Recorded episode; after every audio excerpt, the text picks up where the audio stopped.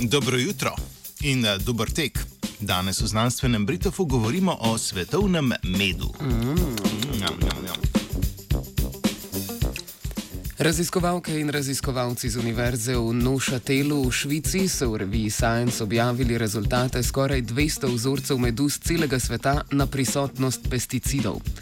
Globalna študija je pokazala, da so čebele kronično izpostavljene pesticidom iz skupine neonikotinoidov, ki slabo vplivajo na njihovo zdravje.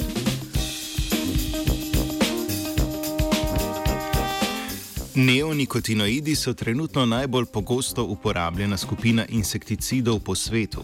Rastline jih prevzemajo v svoje tkiva in tako se razširijo po vseh delih rastline ter dosežejo tudi cvetove, kjer se z njimi srečajo opraševalci. Koncentracije pesticidov, ki jih lahko najdemo v medu, predstavljajo upogled v vse prisotnost pesticidov v okolju.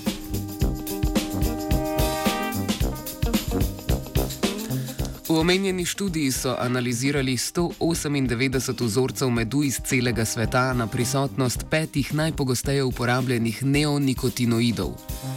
Vsaj enega izmed njih so zasledili v 75 odstotkih vzorcev medu, dva ali več v 45 odstotkih vzorcev in v 10 odstotkih štiri ali pet vrst preučevanih pesticidov. Ti so bili bolj pogosto in v višjih koncentracijah prisotni v vzorcih iz Severne Amerike, Azije in Evrope. Prisotnost posameznih vrst pesticidov se je ujemala z geografsko razširjenostjo njihove uporabe v kmetijstvu. Izmerjene koncentracije v medu pa niso presegale meje določene v evropski ali ameriški regulativi in s tem uživanje medu ne predstavlja tveganja za zdravje ljudi. So pa v 50 odstotkih vzorcev medu koncentracije pesticidov dosegle vrednosti, ki negativno vplivajo na opraševalce, njihovo vedenje in učinkovitost pri nabiranju hrane. Hkratna izpostavljenost večjim pesticidom, ki je pri čebelah pogosta, pa ima predvidoma bolj škodljiv vpliv kot seštevek škodljivosti posameznih pesticidov.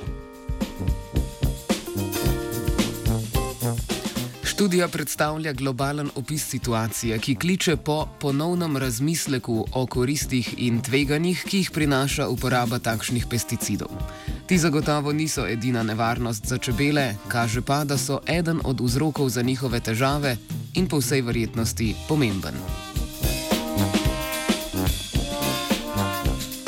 Z medom se je sladkala Katarina. Ec mela, da cigaret, te pa sem prtla. Vse vem, da imaš čika, daj umakni se, no, ko sprediš. Ja, ja, ja, ja, ja, ja, daj, daj, daj, daj, daj, cigaret.